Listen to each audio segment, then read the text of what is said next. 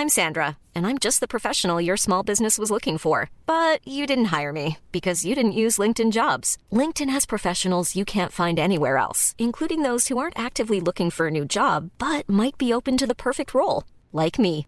In a given month, over 70% of LinkedIn users don't visit other leading job sites. So if you're not looking on LinkedIn, you'll miss out on great candidates like Sandra. Start hiring professionals like a professional. Post your free job on linkedin.com/people today.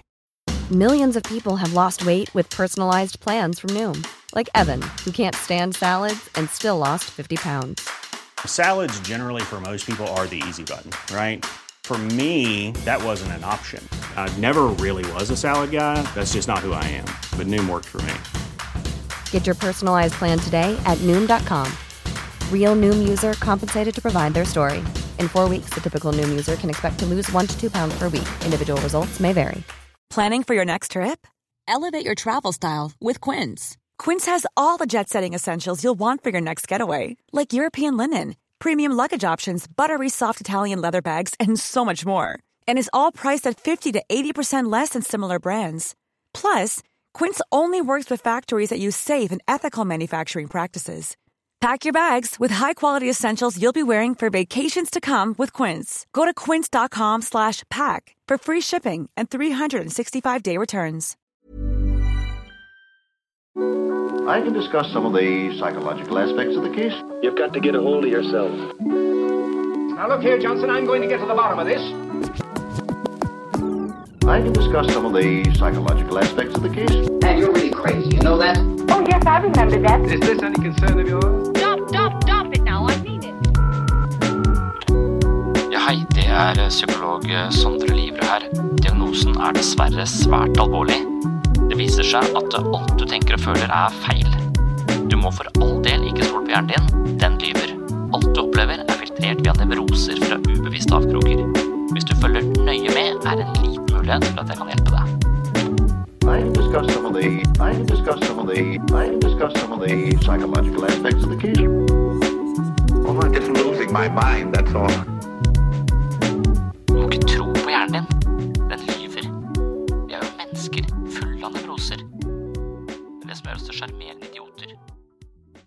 Dagens episode skal jeg tilbake til de litt mer primitive psykiske forsvarsmekanismene. Det primitive forsvaret beveger seg rundt en mekanisme vi kaller splitting. Det betyr at angstprovoserende tanker og følelser på sett og vis forblir bevisst hos individet, men det spaltes ut eller fremmedgjøres. Fremmedgjøringen betyr at den eh, fraspaltede, problemfylte følelsen eller tanken omgjøres til noe som er ikke meg. På den måten opprettes det en barriere mellom individet og den andre. Den følelsen eller tanken individet ikke klarer å håndtere i sitt indre, blir plassert utenfor i et slags ytre rom, eller den blir plassert hos den andre. På sett og vis kan man si at de følelsene, tankene eller det psykiske materialet som er for angstprovoserende eller ligger over terskelverdien for det vi makter å ta inn over oss, blir da bannlyst eller henvist til ubevisste avkroker, sånn at, sånn vi rett og slett ikke er oppmerksom på den siden av oss selv, fordi den ville forstyrre selvbildet vårt, og den ville skape uro og en slags um, skremmende følelse for å være både god og ond når vi har problemer med å identifisere oss med disse konfliktfulle følelsene vi har i oss selv. Eksempelvis er individet bevisst et kraftig sinne, men opplever at det er motparten som er sint. Det vil si at man har egentlig et kraftig sinne i seg, men ettersom man kanskje har opplevd at den følelsen er forbudt, eller at den følelsen sanksjoneres kraftig fra foreldre eller andre i omgivelsene opp igjennom, så har den følelsen blitt noe man må unngå og dermed avvise, og når man da kjenner på denne følelsen av sinne, som selv om den ikke oppleves i en selv, likevel ikke er ute av sinnet, den er ute av syne, men ikke ute av sinnet, Da kan man oppleve at den fraspalta følelsen av sinne er noe man projiserer ut på omgivelsene, og vil da oppleve at det er motparten eller andre mennesker som er sinte. Så de følelsene vi ikke tar ansvar for eller ikke makter å ta inn over oss, de gjenfinner vi ofte som aggressive krefter utenfor oss selv, og da kan verden bli et litt skremmende sted å være. Så i hvert fall da så vil jo personen beskylde den andre for en uakseptabel irritasjon, mens eh, sannheten i hermetegn er at sinnet har sitt opphav i vedkommende selv. I en slik situasjon kan man tenke seg at personen har lav toleranse for sitt eget sinne, frykter kraftige følelser eller opplever at et slikt sinne er forbudt, og klarer ikke å identifisere seg selv og sin person med dette sinnet. Likevel er det åpenbart at eh, kraftige følelser er på spill, og vedkommende tilskriver da motparten ansvaret og opphavet for den eh, ubehagelige irritasjonen. Ved denne typen forsvar kan man si at den problemfylte følelsen eksternaliseres, altså legges utenfor, eksempelvis i form av projeksjon hvor individet feilaktig tilskriver andre sine egne uerkjente følelser. Forsvarsmekanismen splitting har sin bakgrunn i tidlig oppvekstmiljø, som regel har personen vokst opp med stor grad av uforutsigbarhet og uklare eller motstridende tilbakemeldinger fra viktige omsorgspersoner. Det er gjennom andres tilbakemeldinger at barnet forstår seg selv. Når barnet utsettes for et ustabilt og uforutsigbart oppvekstmiljø, vil det få problemer med å forstå seg selv og ikke minst seg selv i relasjon til omgivelsene. Senere i livet kan en spalting eller splitting av selvbildet bli en konsekvens som følge av en slags innlært respons på tidlige, betydningsfulle omsorgspersoners uforutsigbarhet. Barnet vet ikke hvem det er og har problemer med å utlede eget følelsesliv på en adekvat måte. Dermed fortsetter den omtalte oppdelingen av gode og onde aspekter ved en selv fordi barnet aldri har møtt den stabiliteten som skal til for å opparbeide seg et integrert og helt selvbilde. Gjennom en slags spalting av seg selv demonstrerer personen dypest sett at han eller hun eller hen har motsetningsfylte synspunkter, forventninger og følelser omkring seg selv som ikke kan forenes i én sammenhengende selvforståelse. Det fører videre til et kaotisk indre liv med store og til dels uforutsigbare humørsvingninger. Så det vil si at man rett og slett ikke klarer å ses på seg selv som for eksempel kjærlig og hatefull på samme tid, Kanskje er man irritert på partneren sin samtidig som man elsker partneren sin, og det å ha de to kreftene parallelt, det vil eh, skape et ganske nyansert forhold, og det vil ikke bli så dramatisk i en krangel, men hvis man ikke klarer å holde disse motstridende følelsene i seg selv samtidig, for det vil forstyrre en følelse av et sammenhengende selvbilde, så går man inn i enten hatefull modus eller kjærlig modus, og så er det ingen mellomting. Så derfor så vil eh, relasjoner bli ganske turbulente, fordi de er preget av en sånn type svart-hvitt opplevelsesmodus. Det samme gjør man ofte både mot seg selv, men også mot andre mennesker, at man enten ser de som utelukkende gode eller utelukkende onde, og man forholder seg til de som om de er da en engel eller en djevel. Det vil skape ganske rigide relasjoner, fordi man eh, nærmest eh, presser den andre inn i en bestemt eh, rolle, og dersom vedkommende ikke oppfører seg på den måten man eh, forventer, så kan man i verste fall ignorere den atferden som ikke passer inn med det bildet man har eh, bestemt seg for, eller man plutselig vil endre fortegn sånn at hvis personen ikke er en engel likevel, så vil han bli totalt mørk, og ikke da som et vanlig menneske med både gode og onde sider, men man vil flukturere mellom å på en måte idealisere personen fullstendig, eller devaluere personen fullstendig. Og det å ha sånne typer relasjoner, det gjør de ufleksible og eh, rigide, og det skaper masse konflikt. Så hos eh, disse personene er altså selvbildet grovt sett oppdelt i to motsatte poler, negativt og positivt, mens personens bevissthet begrenser seg da til én av polene av gangen. På den måten har vedkommende kun adgang til de aspektene som har samme emosjonelle tone på et gitt tidspunkt. Derfor assosieres denne typen problematikk til det man på folkemunne kaller for svart-hvitt-tenkning. Og det er også tema i dagens episode av Sinnssyn. Jeg skal snakke om holding the tension of the opposites, altså klare å beholde spenningen mellom motstridende krefter i oss selv i bevisstheten samtidig. Ofte så er det problematisk, fordi at når vi skal identifisere oss med noe, så tenker vi vi er sånn, ikke sånn. Så det vi er, det er alltid noe med, i forhold til noe annet som vi da ikke er. Men uh, dypest sett så er vi sannsynligvis begge deler. Vi er ikke enten eller, vi er både og, og det å klare å holde ut en selvforståelse som er såpass eh, motsetningsfull, hvor vi kan både elske og hate, vi kan søke frihet, men også ansvar, altså alle disse dikotomiene som tilsynelatende kansellerer hverandre eller drar oss i ulike retninger, det er i spenningsfeltet mellom disse kreftene at livet oppstår, at bevisstheten oppstår, og det er det vi må klare å holde, altså holde ut denne spenningen mellom motsetningsforholdene, og hvis vi klarer det, så får vi et nyansert og ganske krevende liv, men det er også et veldig meningsfullt liv. Og det å avvise en motpol til fordel for den ene, det gjør oss ganske endimensjonale, det gjør det litt lettere å ta, ta valg, litt lettere å forholde seg til livet, men prisen vi betaler er et uh, urealistisk selvbilde, et urealistisk bilde av uh, verden rundt oss og en endimensjonal måte å forholde seg til tilværelsen på. Så det er eh, enklere, men det har også absolutte omkostninger. Og nettopp det altså, det er tema i dagens episode av Sinnsyn, og velkommen skal du være.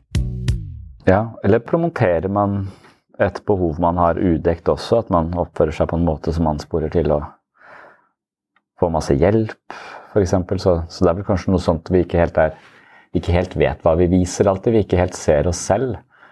Det er nok kanskje en stort den store utfordringen, som er hele psykoterapiens anliggende, er jo å få en større forståelse for oss selv og de tingene vi da eventuelt legger ut og, og viser.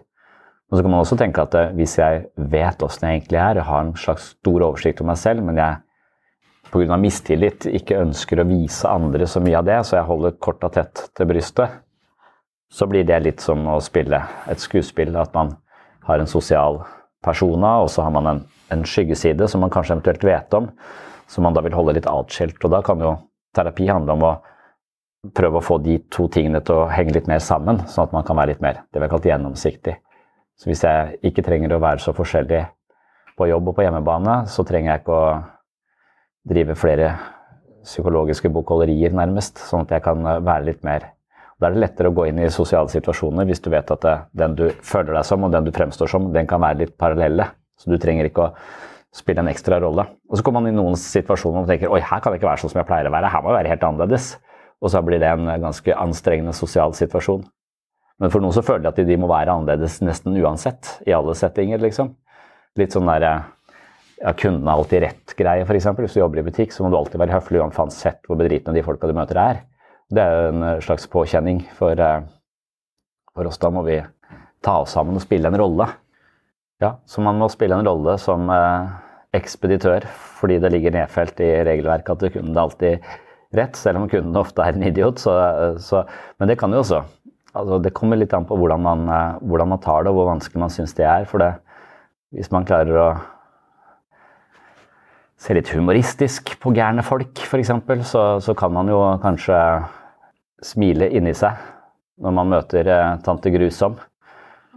Men det er, det er ikke sikkert det er så, det er så lett. Men det jeg tenkte på, som vi snakket om uh, sist, er mer av dette 'holding the tension of the opposites'. At uh, det å ha denne, disse motstridende kreftene som driver og sliter i oss, i bevisstheten samtidig. At vi blir et mye helere menneske hvis vi klarer det. Og da tenker jeg Det handler om den der forsvarsmekanismen som heter splitting. Og jeg, synes, jeg leste meg opp på splittingen, det var det jeg egentlig gjorde til denne gangen. For jeg, jeg, mener at de fortellingene, den narrative selve, det, den historien vi beskriver oss selv med, den fortellerstemmen vi bruker, den henger jo sammen med de andre lagene og graden av åpenhet i oss selv og graden av innsikt i oss selv. Og splitting er jo den forsvarsmekanismen som barn bruker, og spesielt utrygge barn er nødt til å bruke for å overleve og skape forutsigbarhet i en uforutsigbar verden.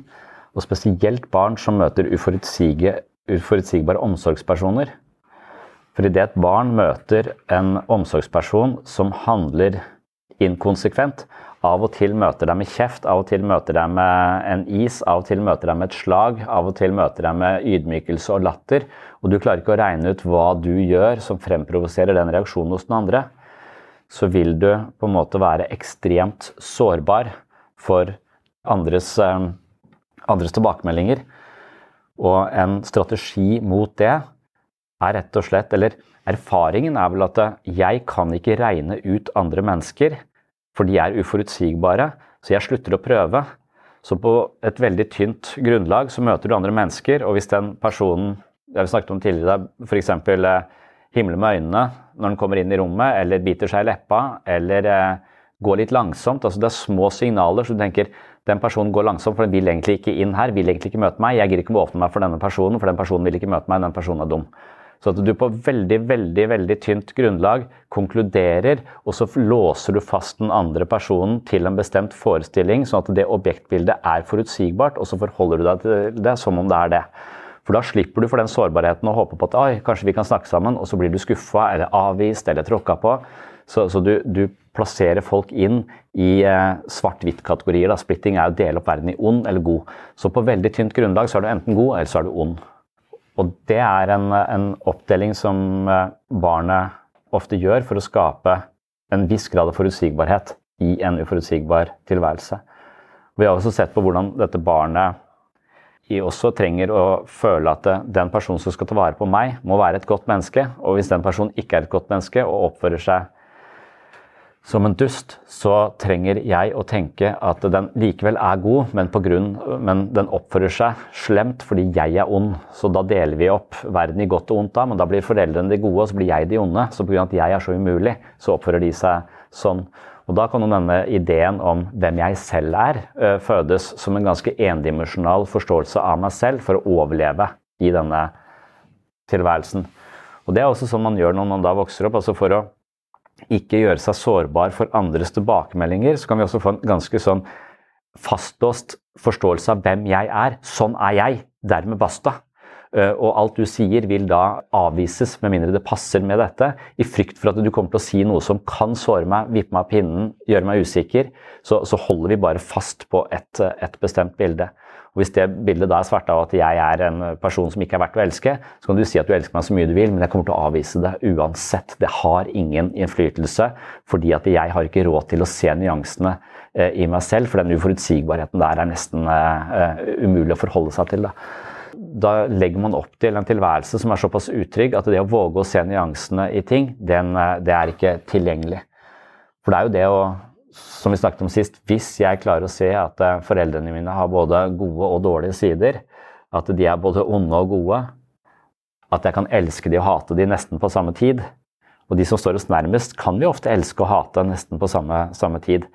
Men for noen så vil følelsen av hat være så enormt farefull, for det vil på en måte forkludre et godt objektbilde. Så man vil ikke, man vil beholde et rent bilde av noen fordi man uh, har opplevd at uh, det uforutsigbare i det gode og det onde, det kan jeg ikke forholde meg til. Og det blir for, for utrygt. Så da tviholder jeg på et godt objektbilde uten å besudle det med negative, negative sider. Da vil det være vanskelig å, å innrømme overfor en, eh, en kjæreste f.eks. at jeg, jeg elsker deg, men jeg hater deg også innimellom. Og akkurat nå så gjør jeg nesten begge deler. Syns det er jævlig irriterende, men jeg er også veldig glad i deg. Så, så at de, de, to tingene kan være samtidig og skape det At du kan holde dette i deg samtidig, det er en ganske krevende øvelse, i hvert fall for et lite barn. Og for at vi skal klare å få de gråtonene inn i relasjonene våre, så må vi være ganske trygge. For hvis vi er utrygge, så trenger vi mye mer forutsigbarhet i dette, eh, i dette landskapet. Jeg, jeg, tenker litt kanskje at, jeg, at du, man både former eget, eh, sin egen identitet og selvbilde, for det har mye med eh, tilfeldige erfaringer å gjøre. Men sånn grunnleggende sett så har det også med å oppdage det, i den forstand at det, jeg tror disse konfliktparene i oss hele tiden opererer. Og så tror jeg vi, det narrativet selve ønsker en slags helhetlig sammenheng. Derfor er det veldig lett å, å lage, simplifisere fortellingen om hvem vi er. Ved å si 'jeg er ikke sånn, men jeg er sånn', 'jeg er ikke sånn og sånn'. Så du opp, du, du deler opp din selvforståelse i ganske avgrensa kategorier. Og hver gang du tviholder på én kategori, så, så, vil den kategorien alltid ha en motpol. Og den, den, vil du da skyve ut i skyggen. Og det du putter ned i kjelleren i psyken din, det blir ofte ganske stemorslig behandla, på en måte. Og det blir ofte pervertert. Det blir litt sånn spøkelsesaktig skummelt. Og I verste fall så vil det komme til å skape en eller annen nevrose. Du kommer til å innhente det, uh, banke på døra fra, fra, kjelleren. Eller så kommer du til å skyve det ut i, uh, i, i verden. Og jeg tenker, Mer enn vi tror, eh, eller mer enn vi er klar over, deler vi opp dette og, og fornekter sider ved oss selv. Og der, I den forstand så vil jo det å finne sin identitet være å oppdage disse konfliktparene. Og anerkjenne de og våge å ha de. Men det krever en slags omskriving av historien om meg som gjør karakterene mye mer kompliserte og intrikate enn de egentlig var. F.eks. kan man si jeg er monogam. Og hvis jeg da er så opptatt av den fortellingen, kanskje er det en kristen bakgrunn eller et eller annet sånt noe, som gjør at alt som har med andre følelser å gjøre som ikke er monogame, de har jeg ikke i det hele tatt kontakt med, for de er såpass forbudte. Så jeg, så jeg kan ikke innse at jeg har en ikke-monogam impuls. Sånn at hvis jeg fornekter det helt, og skyver det ut i skyggen, og så har jeg en kompis som plutselig er utro, og så går hele gjengen og kjefter og, og tar dette så innmari hardt, fordi vi nettopp sanksjonerer kanskje til og med krefter i oss selv, ikke-monogame krefter i oss selv, som vi da, når det dukker opp, sanksjonerer veldig hardt. Fordi at eh, vi mer eller mindre ubevisst de, de, er i oss selv, det er sider ved oss selv som nå leves ut hos et annet menneske. Og så kan vi på en måte angripe det der, for det, dette narrativet selve har eh, fraskrevet seg ansvaret for den siden av selv. Da. Så det, det å se et parforhold kunne snakke om at jeg har impulser i andre retninger enn en bare her, det ville være en rar, en, en vanskelig samtale. Jeg, det, det, er ikke noe man pleier å, å, å, snakke om. Men hvis man ikke anerkjenner at man har begge sider, så tror jeg man legger grunnlag for et eller annet symptom da, et eller annet sted. Og jeg tror det å anerkjenne det er det motsatte av å leve det ut. Jeg tror utroskap, Hvis du anerkjenner at du har det, så vil sjansen for utroskap være mindre. For du er liksom, du har oversikt i ditt eget hus. Du kjenner konfliktparene. Du vet at du kan, kan ha ulike at du, at du, er ikke endimensjonell på noe som helst måte. Da. Og hver gang du oppdager f.eks. at du kan si at jeg er en kjærlig person, jeg elsker alle, jeg respekterer alle men så i den fortellingen der sånn at Når noen sier 'jeg respekterer alle', da tenkte jeg det er en ganske tam fortelling. Det er en fortelling totalt uten selvinnsikt. Du har også mørke sider i deg selv hvor du, hvor du er dypt og inderlig fordomsfull og har lyst til å hooke bein på folk som er litt annerledes enn deg sjøl, f.eks. Eller et eller annet sånt noe. Så, så, så lenge du ikke anerkjenner de, de, de tingene, men lager endimensjonale fortellinger, så, så, tror jeg du har mye å jobbe med som forfatter i ditt eget selv. Da. For da, her er det mye du kan eh, avdekke, som gjør deg til et større menneske. Og når vi skal skrive, liksom, Hvis vi går inn for å høre etter på hvordan vi forteller historien om oss selv, og høre etter hvor, hvor nyansert er den historien, så tror jeg vi ved hvis vi ønsker å gjøre den mer nyansert, nettopp lete etter konfliktparene. Da, og identifisere de, de sånn Frihet og ansvar, f.eks. Det er jo et, et veldig typisk ansvar som har mange fordeler, men friheten også. Du kan følge dine egne impulser, eh, la energien komme innenfra, finne motivasjon innenfra. Ansvar, gjøre det du skal utenfra. Så den hele tiden. Det er ikke sånn at ja, jeg går for frihet. Frihet er det beste. Jeg reiser bare rundt i verden og røyker hasj. Så eh, det, er, det er alt. Det, er liksom på en måte den ene grøfta. Men så mener jeg at ansvaret også, det å forplikte seg, det skaper en annen, dypere form for mening og tilhørighet ofte. ikke sant? Men det betyr ikke at du bare skal være ansvarlig eller du bare skal være fri. Men du må se at disse to kreftene de jobber på sett og vis i motsatt retning. da. Men det å holde denne spenningen mellom disse to kreftene i seg samtidig, det er der bevisstheten oppstår. Det bevisstheten oppstår i dikotomien mellom disse motstridende eh, kreftene. Det er der livet oppstår også. Men man må jo uansett handle ut ifra en av disse posisjonene. Men jeg tror hvis du tenker at du har to posisjoner, at du alltid har motstridende krefter i deg, så handler du alltid du, Handlingsgrunnlaget ditt heller i den ene eller den andre retningen. Men øh, du kunne like gjerne handlet på den andre, andre måten. altså sånn F.eks. i oppdragelse, da, så, så vil jeg anse meg selv som litt mer bestemt og strengere enn eh, kona mi, som er litt varmere og mer emosjonell. Så at vi, vi, har helt klart to forskjellige strategier i møte med en konflikt. Hvorpå jeg tenker at eh, begge de strategiene er egentlig helt eh, de er, de er motsatte. Du vil gjøre det ene, jeg vil gjøre det andre. De, og de tilsynelatende Jeg vil kjefte, du vil gi en klem. Det virker som to totalt motstridende strategier. Og det å si at den ene er riktig og den andre er gal, jeg tror det er der vi handler. Vi, vi begynner å krangle om hvilken som var den riktige strategien, uten å si at dette er to krefter som jobber i foreldre, og som hele tiden ikke, ikke skal, De skal ikke kansellere hverandre, men de bør jobbe i par på en måte. De bør, for det, noen ganger så om jeg da hadde gått for kjeftinga, og hun hadde gått for uh, klemmen, så, så, ville vi fått ett resultat. Og hvis vi hadde gjort noe annet, så hadde vi kanskje fått et annet resultat i en parallell virkelighet. Men, men, det er ikke sikkert at noen av de eh, hadde vært noe bedre eller dårligere. Jeg tror ikke vi trenger å veie det. Vi har bare ulike Vi handler på ulike mm, sider av det, så vi kommer til å handle på et eller annet sted. Vi blir ikke nødvendigvis sånn ja, på det ene på det andre, på det ene, så blir vi stående der og ikke gjøre noen ting overfor, eh, overfor konflikten. Men jeg tror kanskje det å bli et mer nyansert menneske vil være å identifisere der du mangler motpolen fullstendig. på en måte. Der motpolen er så svak at du, du, er så redd for den, du er så redd for aggresjonen at du aldri setter grenser. Så det er, det, er, den du må våge å, å, møte liksom, og få som en slags mot, motpar. Det er den du skal lyse etter, det er den du skal kjenne etter. Så, så, det er vel der du heier for mye på det ene laget. At du bør liksom begynne å uh, vite litt hvor uh... For meg så er det en sånn helt klar skille mellom når jeg sitter på en pol og mener at andre bør se den polen. Fordi at eh, de, de skjønner ikke hvordan det er her. De er helt eh, kanskje fargeblinde, og så har jeg sett rød, og så klarer jeg ikke det, det, så, så, så, når jeg kjemper for at den andre skal forstå min side, kontra når jeg spør uten andre fra dens perspektiv, for å skjønne, vel vitende om at her er det et konfliktpar, eller her er det ulike egenskaper, hvorav jeg har mye av den ene, men mangler den andre. Så jeg på en måte stille spørsmålstegn ved den andre ståstedet for at det ståstedet skal reise seg opp, vise seg fram og argumentere for sin side, så jeg kan på en måte forstå det og adoptere det litt. Det føler jeg mye mer, det er en sunnere motivasjon hos meg når jeg stiller spørsmålstegn for å ønske å forstå, enn når jeg ønsker å overbevise om at min side av saken er, er riktig. Det er sånn for, forskjellen mellom å en, ha en meningsskapende relasjon og egentlig bare prøve å suge ut hva er det du ser som ikke jeg ser, kan jeg se det på din måte, kontra du må se det sånn som jeg ser det, som er, er konflikten. Og Av og til så veksler jeg litt der. Noen ganger kan jeg begynne med nysgjerrighet, og så kan jeg falle over i, eh, i mer en sånn 'jeg skal overbevise deg om at du tar feil'-feeling. Det er alt du tenker er feil, så Men jeg syns denne splittingen og de litt snevre fortellingene vi har om oss selv, dukker opp her gang på gang i, i møte med de menneskene. For det, Spesielt vanlig er det å tviholde på et slags negativt selvbilde.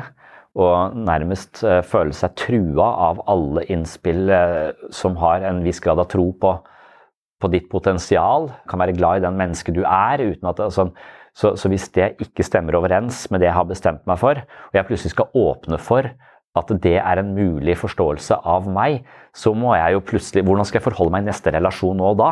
Hvis du ikke har noen strategi på det, og hvis du ikke klarer å, å sjonglere spenningen mellom motsetningene Jeg er en person som er verdt å elske, og av og til så er jeg en drittsekk. To, hvis du ikke klarer å sjonglere de to tingene, må bare tviholde på den ene for å, for å, skape mest mulig grad av forutsigbarhet i møte med neste relasjon. Så er det, og det er litt det vi trener på her. Altså, det er veldig mange her du kan prøve å gi hyggelige tilbakemeldinger og så føles det ut som Det var omtrent som å slå vedkommende midt i trynet. Eh, det hadde vært mer hensynsfullt av meg å nikke personen ned enn å si en hyggelig ting. Fordi jeg opplever, og Ikke bare for å si det, men fordi jeg genuint sett opplever det.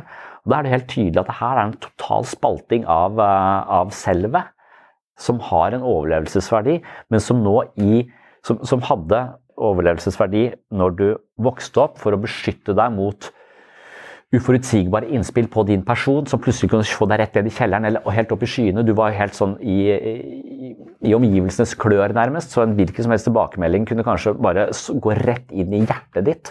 Og for å hindre det, fordi du hadde så mange erfaringer på at det ofte ble misbrukt, så lager du disse dikotomiene, disse snevre oppfattelsene av, av hvem du er. Og så når du møter andre mennesker på den måten, så vil du tvinge andre mennesker inn i en veldig stakkato, rigid relasjon.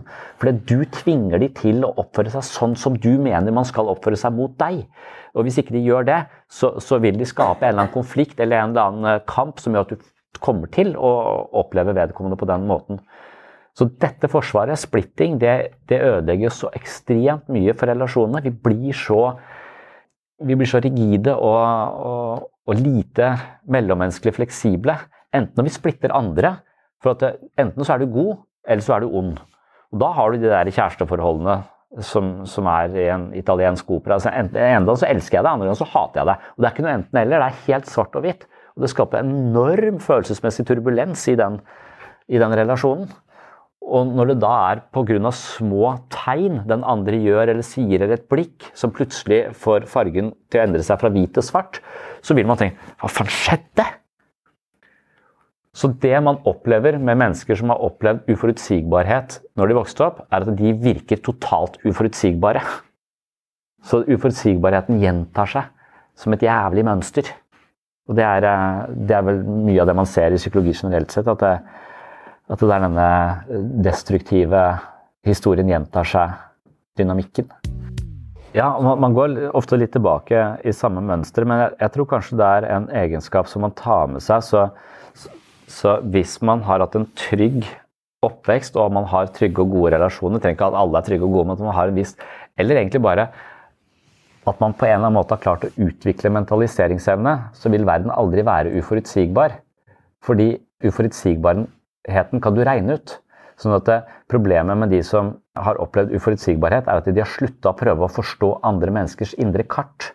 Sånn at de med en gang på bakgrunn av et lite signal, så øh, stempler de vedkommende som enten ond eller god veldig raskt. Sånn at de vet hva de skal forholde seg til, og så beholder de den. Og så er det veldig vanskelig å snu det.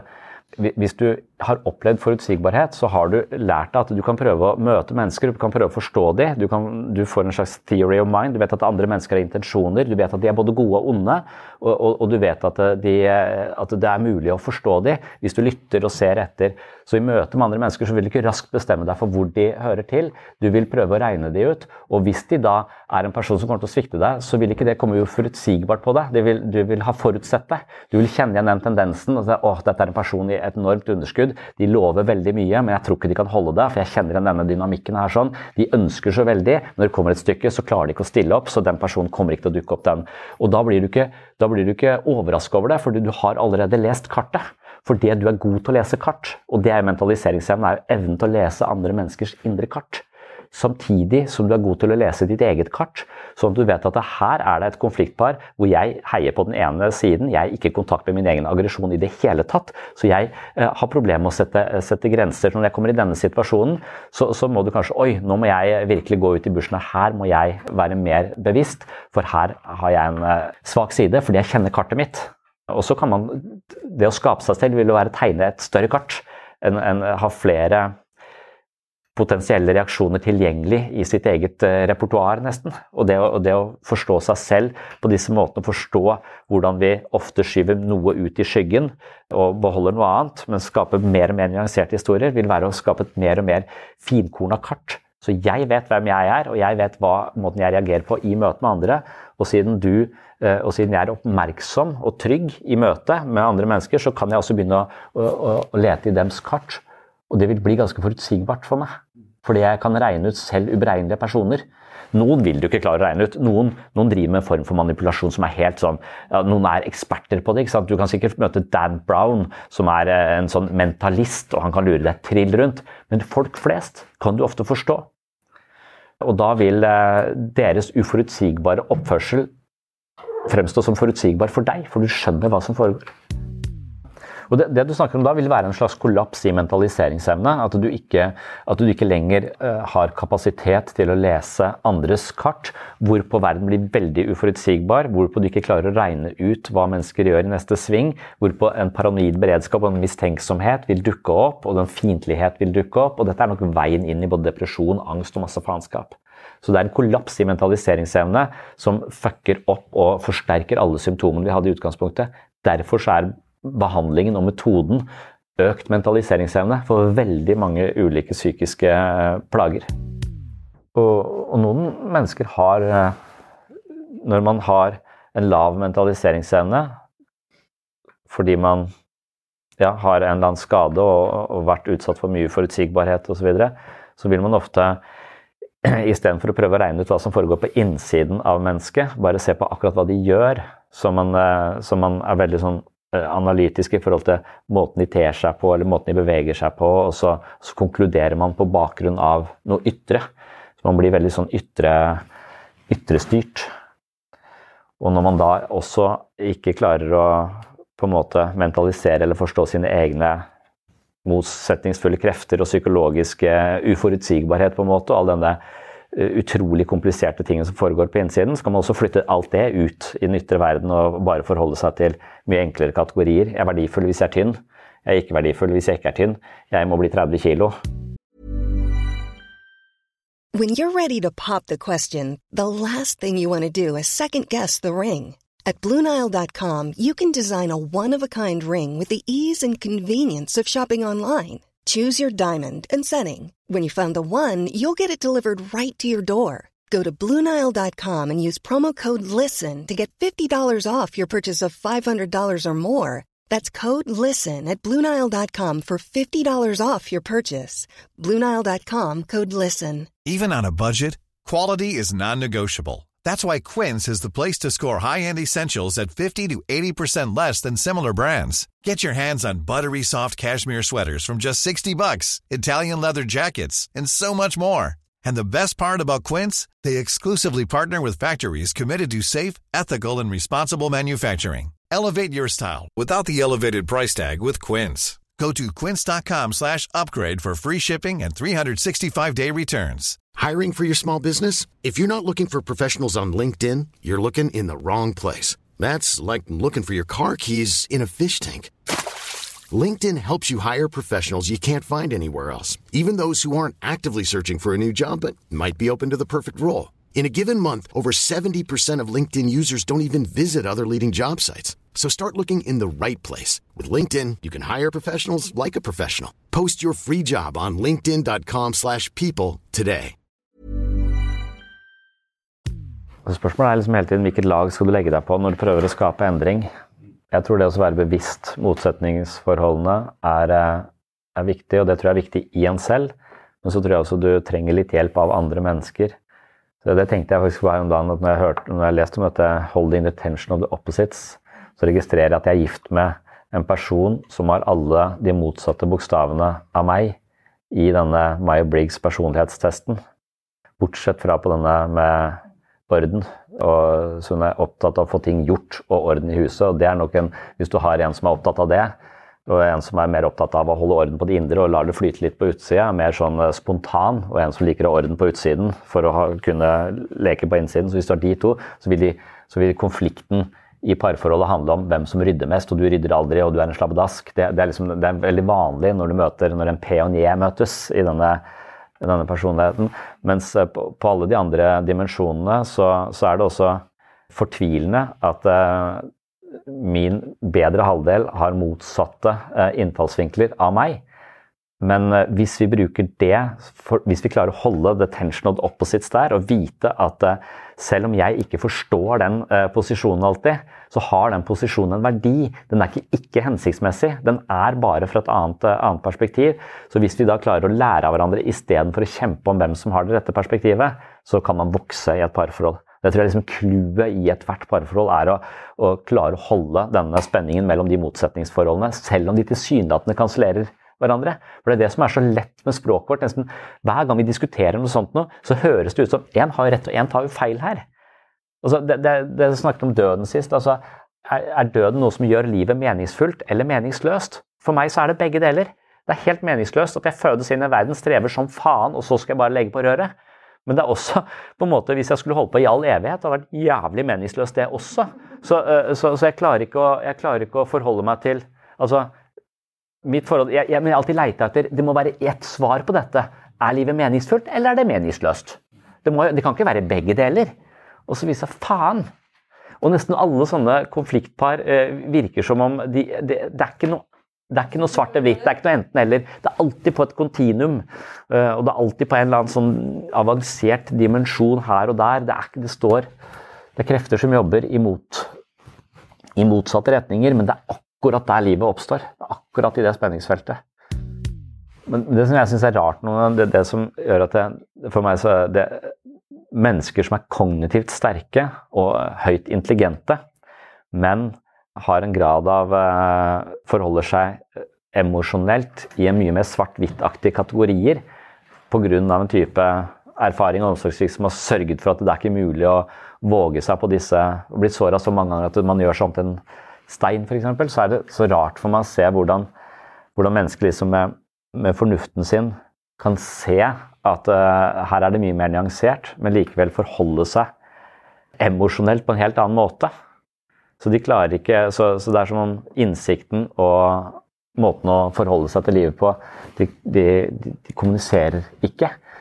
Så man kan jo liksom, de mennesker og si at eh, de blir såra av noe jeg har sagt. Og så sier jeg Oi, ja, men jeg mente det egentlig som en veldig hyggelig kommentar. Jeg syns du er et kjempepotensial, jeg synes du er en veldig spennende person. Så var det jeg mente å si med det. Men selv når jeg sier det, korrigerer Altså, de får ny informasjon. Men de klarer fortsatt ikke å ikke hate meg.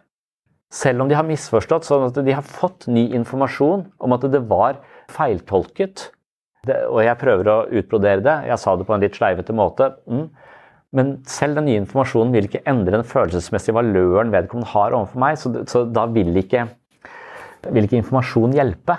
Og, det, og, når veldig intelligente mennesker som dette, dette var, en sånn veldig intelligent person. Så, så, hun sitter jo og ser at dette her er jo helt irrasjonelt, men jeg kan ikke klare å endre min følelse for deg på bakgrunn av den nye informasjonen.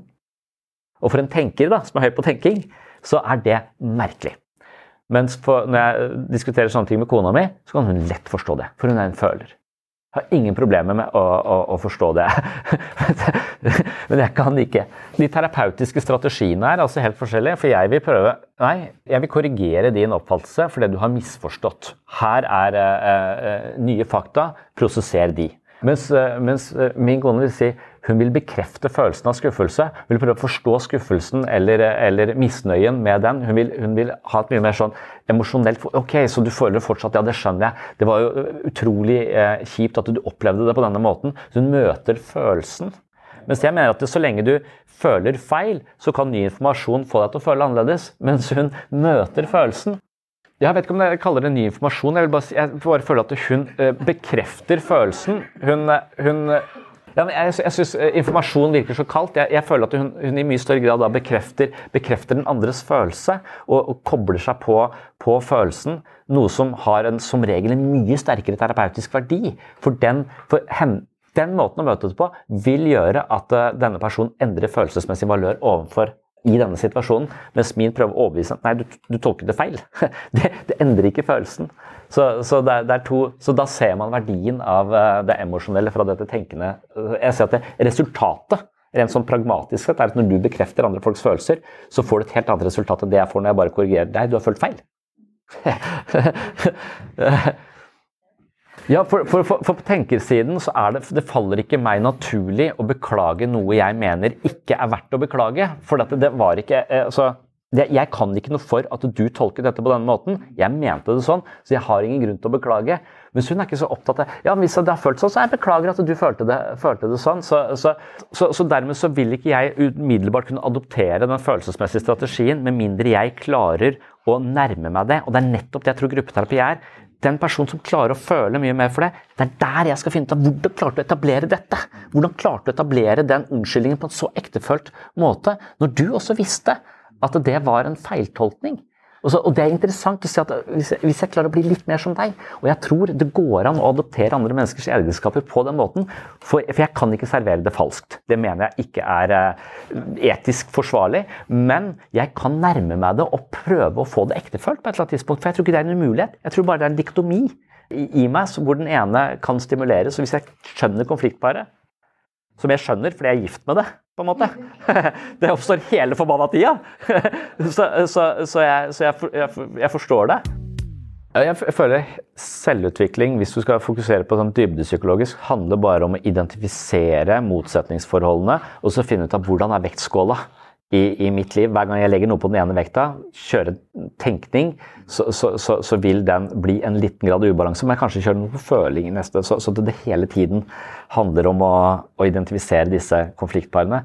Men hvis jeg har en slags tendens, som er en slags tankefeil også, til svart-hvitt-tenkning, og noen erfaringer på at disse nyansene det blir for mye å forholde seg til, og for uforutsigbart og farlig for meg, så jeg tviholder på min min måte å se det på, så, vil jeg bli mindre fleksibel i møte med livet. Og det ser man jo f.eks. Altså, det er jo veldig forbløffende for utenforstående å se at uh, her er det mennesker som følger en sektleder i tykt og tynt, og så viser det seg at uh, vedkommende er pedofil drapsmann. Men da tenker jeg ok, da tror jeg jeg dropper den klubben her. Nei, de fortsetter å følge vedkommende.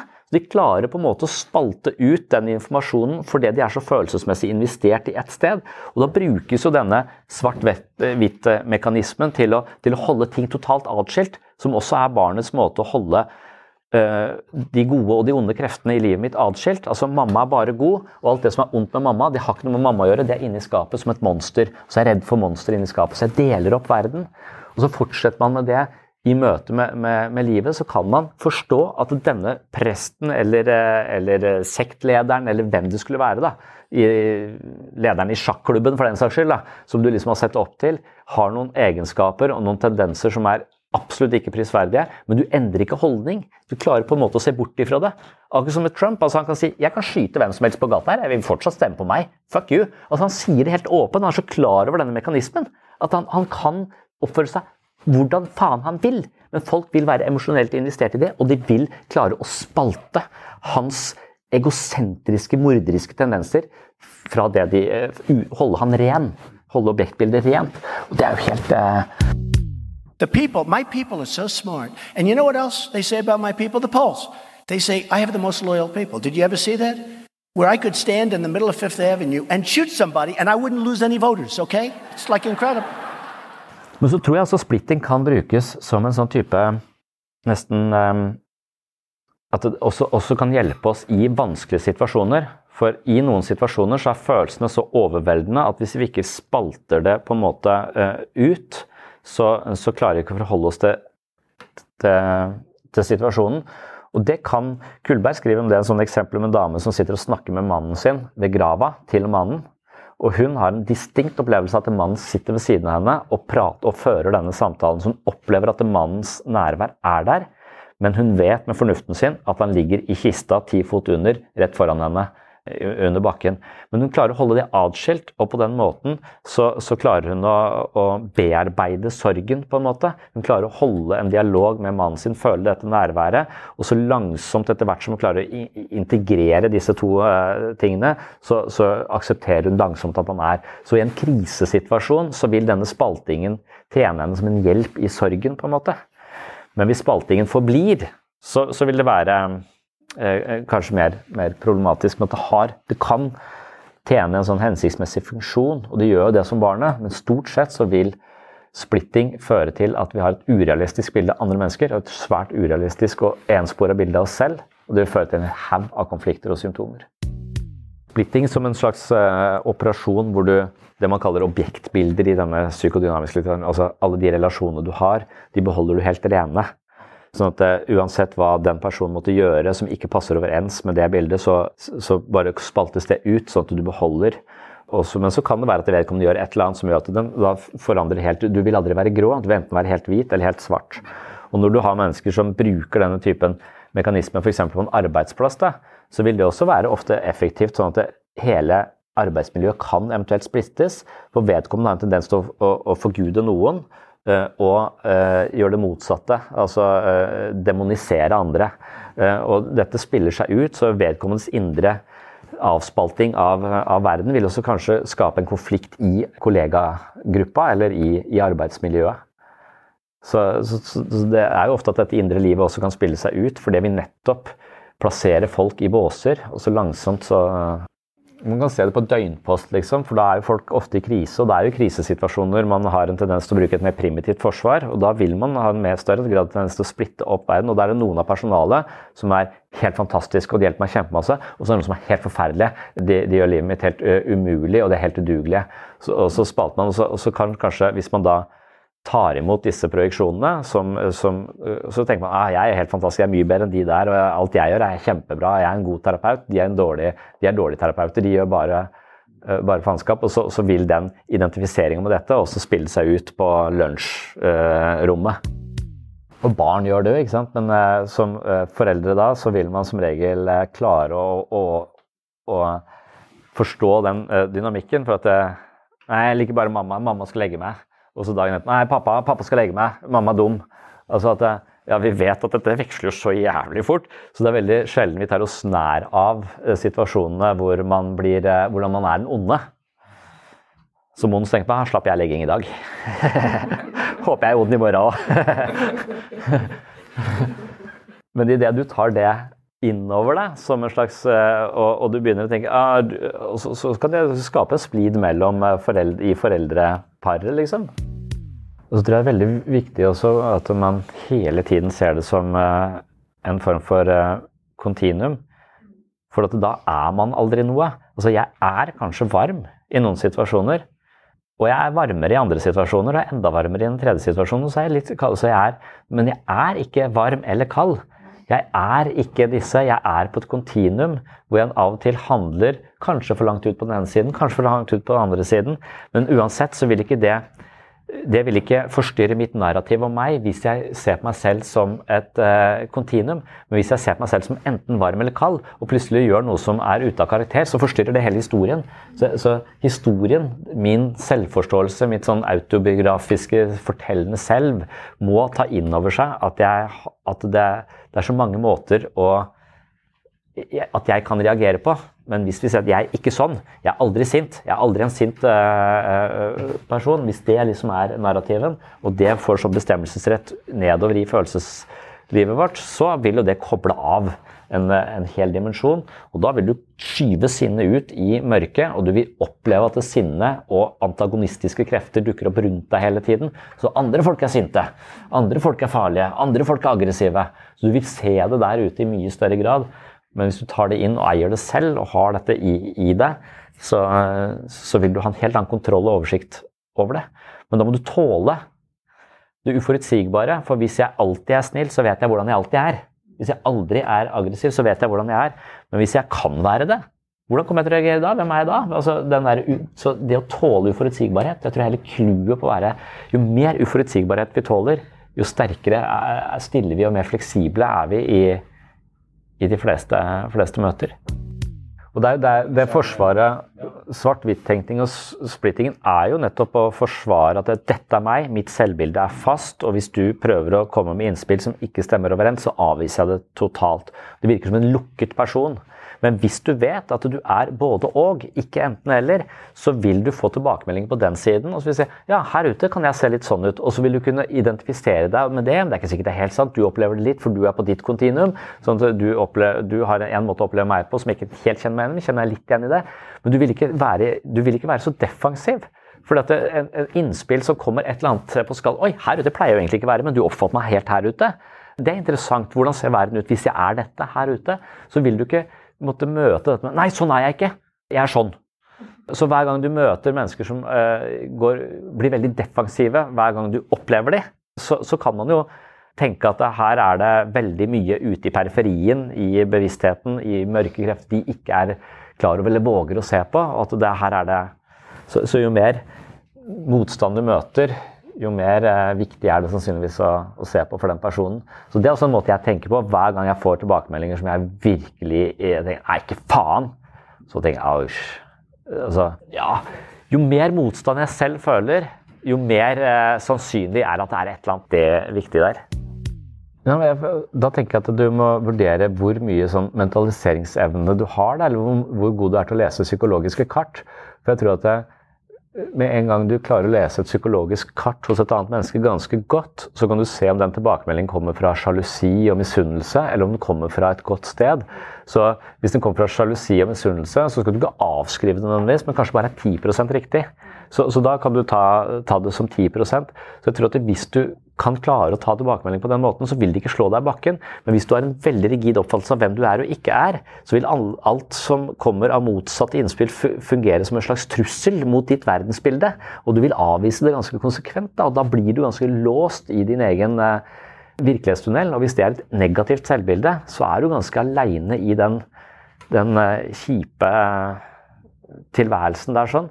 Så, så, for meg, det er sånn, logisk sett så er det helt merkelig at, det, at folk ikke, ikke åpner seg mye mer. For hvis du er mer åpen, tenker at jeg er ikke noe fastlåst, jeg er litt her, jeg er på en skala hele tiden. Og så får jeg tilbakemeldinger på ulike Noen treffer akkurat der jeg var nå, andre treffer litt på sida. Går litt ut her og Litt sånn som i fotball. med at det, hvis du ikke får en pasning som kommer rett igjen, så må du flytte deg, sånn at du er der pasningen kommer.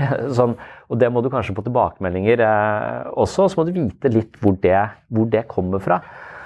Og, og, og, da er det rart altså Det å tviholde på én fastlåst uh, idé om seg selv, det krever jo så mye uh, ressurser i forsvar. Vi må ha halve statsbudsjettet i, uh, i forsvarsverk for vårt selvbilde. Men hvis vi tenker at tilbakemeldinger, vi kan lære noe av det, altså ikke en fiendtlig ikke oppleve tilbakemeldinger som et fiendtlig angrep, men som en interessant perspektiv, så er jo det en utrolig mye mer sånn men, men, da har du hatt erfaringer på at mennesker som prøver å gi deg de tilbakemeldingene, ikke, er ikke velmenende. De gjør det for å, for å, ta deg, for å ødelegge deg, for, for, å, for å, plage deg. Så, sånn at du, du, du, er var på dette her, og du opplever det som angrep, liksom. Ja, så, så må man hele tiden vite. Så, så, Mitt eksempel har vært når jeg våkner om morgenen og er sur, og så sier jeg til kona mi jeg syns du virker litt sur, for jeg er jo ikke en sur person egentlig. Og når jeg sier det tre ganger, så er hun sur. Og, og, da må hun lure på er tilbakemeldingen fra meg riktig. Har jeg bare oppdaget hennes surhet som hun ikke har sett? Eller har jeg lagt min egen følelse av surhet over i henne? Og det er klart at Hvis hun tar den surheten til seg og blir sur pga. min måte å være på, så er jo ikke det en lur måte å ta tilbakemeldinger på. Det er jo å få planta noe som noe hører til noen andre, som andre ikke tar ansvar for i seg sjøl. Så det kan jo også være. Så i enhver tilbakemelding så må man hele tiden Kanskje det er null sant da, at hun er sur. Null prosent sant. Eller alle er alltid litt sure, så kanskje 2% sant, da.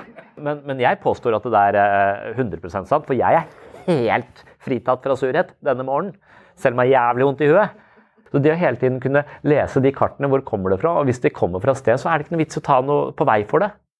Altså det kommer, fra et, eh, det kommer fra en person som ikke orker å bære denne, denne, tendensen selv, og har nå kastet den ut på oss som er i nærheten her. Men det hører jo ikke til her. Men det er umulig å finne ut av 100 Du vet jo ikke hva som er sant der. Det er ikke noe sant og falskt der.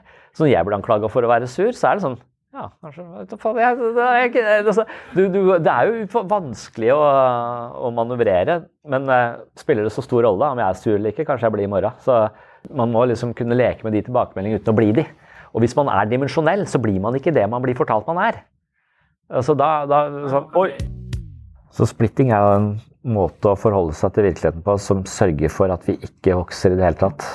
For det å fastholde da et bestemt selvbilde uansett hvordan andre oppfatter og ser deg selv, eller ser deg, da slipper man for å bli følelsesmessig forulempa av andres tilbakemeldinger. Så jeg beholder dette. Uansett hva du sier, så er det ikke noe Og når du sier noe annet, så angriper du meg, og jeg, jeg vil forsvare, uh, forsvare, meg. Men hvis du våger å tenke at her er det mange sider ved meg selv jeg ikke er klar over engang, så la meg få det perspektivet og vokse som, uh, som menneske. Men det, er, det, krever så stor grad av trygghet.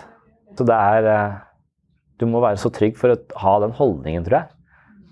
De som ikke har den holdningen, de tenker at eh, Nå kommer det en tilbakemelding her sånn, og det er Putin som kommer med en tanks. Ja, kanskje han bare kommer for å drikke kaffe eller hilse på. Altså, den, den åpne holdningen Nei, nei. Bomb. Skyt før du spør. Og det er jo lurt når Putin kommer. Men eh, stort sett så møter vi ikke han. da. Vi møter eh, andre former for tilbakemeldinger som vi godt kan ta inn over oss uten at vi skal, trenger å bli, føle, eller bli invadert av den grunn. Med mindre vi legger så mye i disse andres tilbakemeldinger.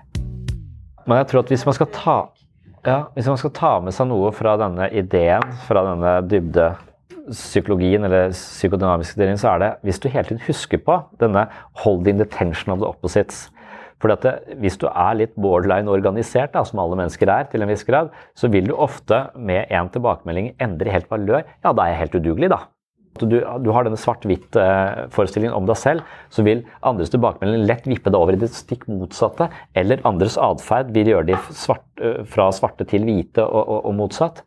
Så, så, hvis du hele tiden husker på at du har Hver gang du får en tilbakemelding på noe, så vil du bare med en gang koble på motparet. Du hater meg, du. Ja, men jeg elsker deg også. Og så koble på den, så vil ikke den hate Ja, jeg er en person som hater deg. Forholdet er slutt. Jeg, liksom, altså, hvis man blir det der og, og havner helt med skylapper på den siden Men hvis du, hver gang du får en sånn tilbakemelding som, som sitter hardt på et eller annet ytterkant av det som også bor i deg, hvis du da husker på at det, det alltid hører til en, en, motsats, og kobler inn den med en gang, så tror jeg det er mye lettere å, å forholde seg til det. Men det å huske det, da. Ja, det var det jeg hadde for denne gang. Tusen takk for at du hører på Sinnsyn. Poenget er altså at i psykodynamisk psykologi så snakker man om evnen til å romme spenningen mellom motstridende krefter i oss selv. Det vil altså si at vi for eksempel kan føle både kjærlighet og misnøye overfor en og samme person på samme tid. Det innebærer å se verden i fine nyanser istedenfor i rigide kategorier som godt eller ondt, stygt eller pent, bra eller dårlig, osv. Dersom vi våger å se oss selv både som kjærlige og hatefulle, egoistiske og altruistiske, vennlige og aggressive, og forholder oss til spenningen mellom disse kreftene i oss selv, vokser vi som mennesker. Når vi fornekter eller unngår en av sidene, for eksempel det aggressive, henvises deler av oss selv til ubevisste avkroker og de sidene vi bannlyser, vil ofte hevne seg på et senere tidspunkt som et symptom.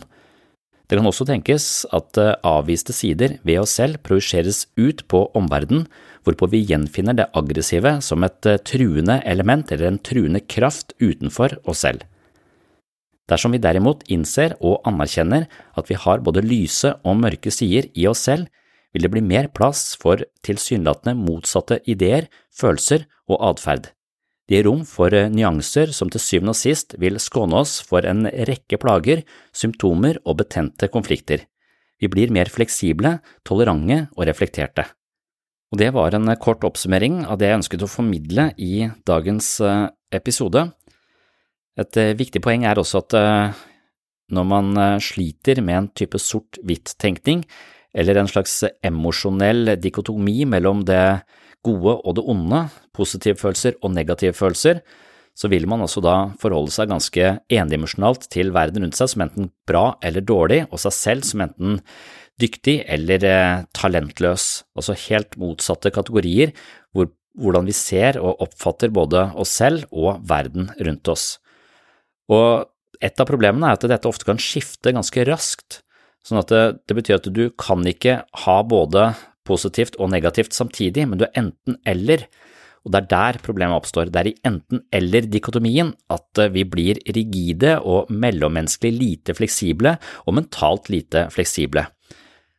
Så det jeg så vidt nevnte med denne emosjonelt ustabil personlighetsforstyrrelse, det er at eh, her er denne splitting-mekanismen ganske present, og det betyr at man eh, kan oppleve verden på den ene måten, men i løpet av ganske kort tid så kan man endre oppfattelsen sin til det diametralt motsatte, og så har man ikke noen sånn klar bevissthet om at man plutselig nå har sett det fra et helt annet perspektiv. Man opplever at man svinger veldig mye i følelsene, og i det ene øyeblikket, selv i en samtale, så kan man kanskje omtale seg selv som eh, totalt uh, udugelig, hvorpå man senere kommer til å skryte eller fortelle om suksesser og hvordan man lykkes på jobb osv. i samme samtale, og når da samtalepartneren påpeker dette tilsynelatende motstridende selvbeskrivelsen, så vil vedkommende avvise at det er noe motsetningsforhold, og fortsette da å forholde seg til den ene siden av uh, dette emosjonelle følelsesparet. At man for eksempel da er nei, men jeg er helt udugelig, så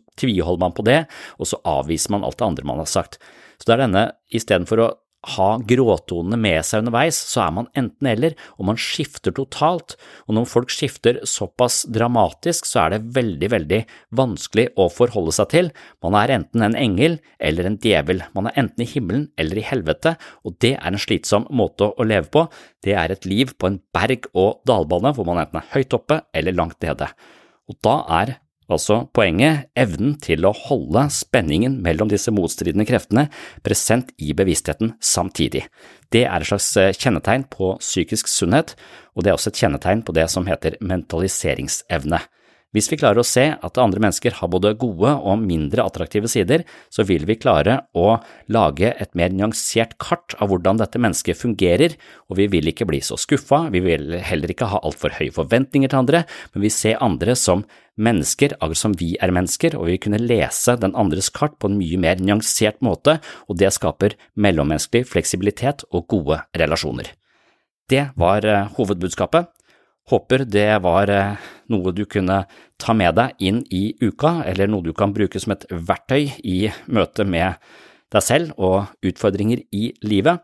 Iallfall så er dette her, eh, denne tanken her har hjulpet meg ganske mye, for hver gang jeg har en ganske sånn enspora idé eller følelse, så prøver jeg å finne ut av hva er motsatsen til denne følelsen, og finnes den i meg, eller er den totalt fortrengt?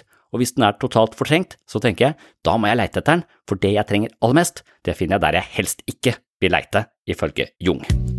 Og før jeg gir meg helt, så må jeg komme med den samme leksa som jeg alltid kommer med. Er du mer interessert i menneskets indre liv, relasjoner og selvutvikling, så håper jeg at du klikker deg inn på min Patron-konto og blir supporter av Sinnsyn og webpsykologen. På den måten støtter du dette prosjektet, og som takk for støtten så får du masse ekstramateriale. Du får flere eksklusive episoder av Sinnsyn, mentale øvelser, videomateriell som ikke publiseres andre steder, og du kan høre meg lese og gjennomgå mine to bøker, Selvfølelsens psykologi, Bedre selvfølelse ved å bruke hodet litt annerledes, og Jeg, meg selv og selvbildet.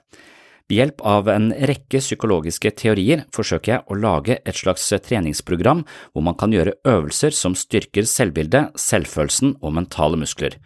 Er du blant de som finner verdi her på sinnssyn og litt over middels interessert i psykologi og filosofi, så er et medlemskap i Sinnsyns mentale helsestudio kanskje noe for deg. Håper å se deg som Patron-supporter, du finner medlemskapet på patron.com for segs sinnssyn. Nå har jeg også et tilbud til bedrifter på dette mentale treningsstudio. Det er jo velkjent at man kan trene kropp for å bli sterkere, mer utholdende og forebygge sykdom. Fullt så kjent er det ikke at vi også kan trene hjernen og våre psykiske muskler. Mellom én av seks og én av fire vil oppfylle kriteriene for en psykisk lidelse i løpet av et år. Alvorlige psykiske lidelser er forbundet med uførhet, fysiske sykdommer og redusert forventet levealder. Psykiske lidelser utgjorde i 2019 og 2020 vel 17% av sykefraværstilfellene i Norge.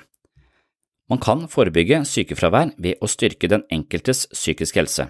I tillegg vil en bedre psykisk helse gi seg utslag på en positiv måte i arbeidsmiljøet. Det kan øke den enkeltes energi og entusiasme og styrke relasjonene mellom de ansatte. Av den grunn tilbyr jeg nå medlemskap for bedrifter på Sinnsyns mentale helsestudio. Er du leder i en organisasjon, en kommune eller en bedrift eller lignende, kan du kontakte meg på webpsykologene at gmail.com for å be om et tilbud. På webpsykologen.no finner du også en beskrivelse av tilbudet på dette helsestudio, da altså for eh, bedrifter. Hvis du er eh, del av et arbeidsmiljø og flere deltar på treningssenteret i løpet av uka, kan man utvikle et samhold blant de ansatte sentrert rundt psykisk helse med interesse for vårt indre liv, noe som kan gi svært positive synergieffekter.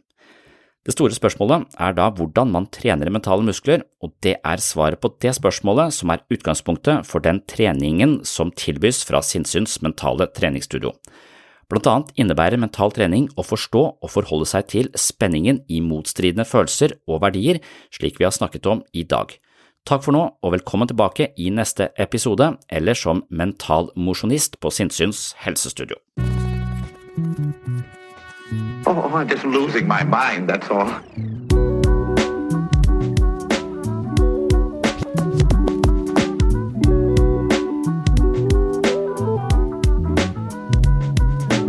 I can discuss some of the I can discuss some of the I can discuss some of the psychological aspects of the case. Psycho, psycho, psychological aspects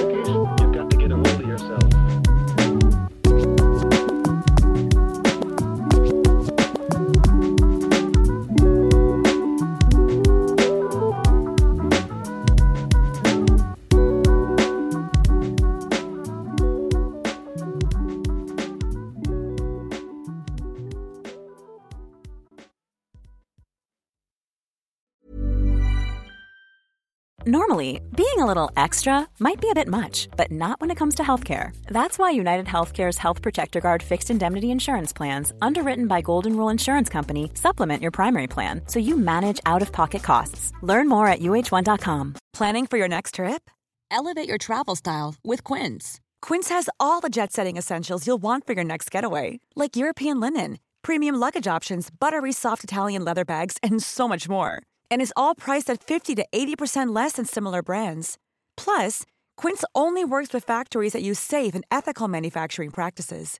Pack your bags with high-quality essentials you'll be wearing for vacations to come with Quince. Go to quince.com/pack for free shipping and 365-day returns. Mom deserves the best, and there's no better place to shop for Mother's Day than Whole Foods Market. They're your destination for unbeatable savings, from premium gifts to show-stopping flowers and irresistible desserts. Start by saving 33% with Prime on all body care and candles. Then get a 15-stem bunch of tulips for just $9.99 each with Prime. Round out Mom's menu with festive rosé, irresistible berry chantilly cake, and more special treats. Come celebrate Mother's Day at Whole Foods Market.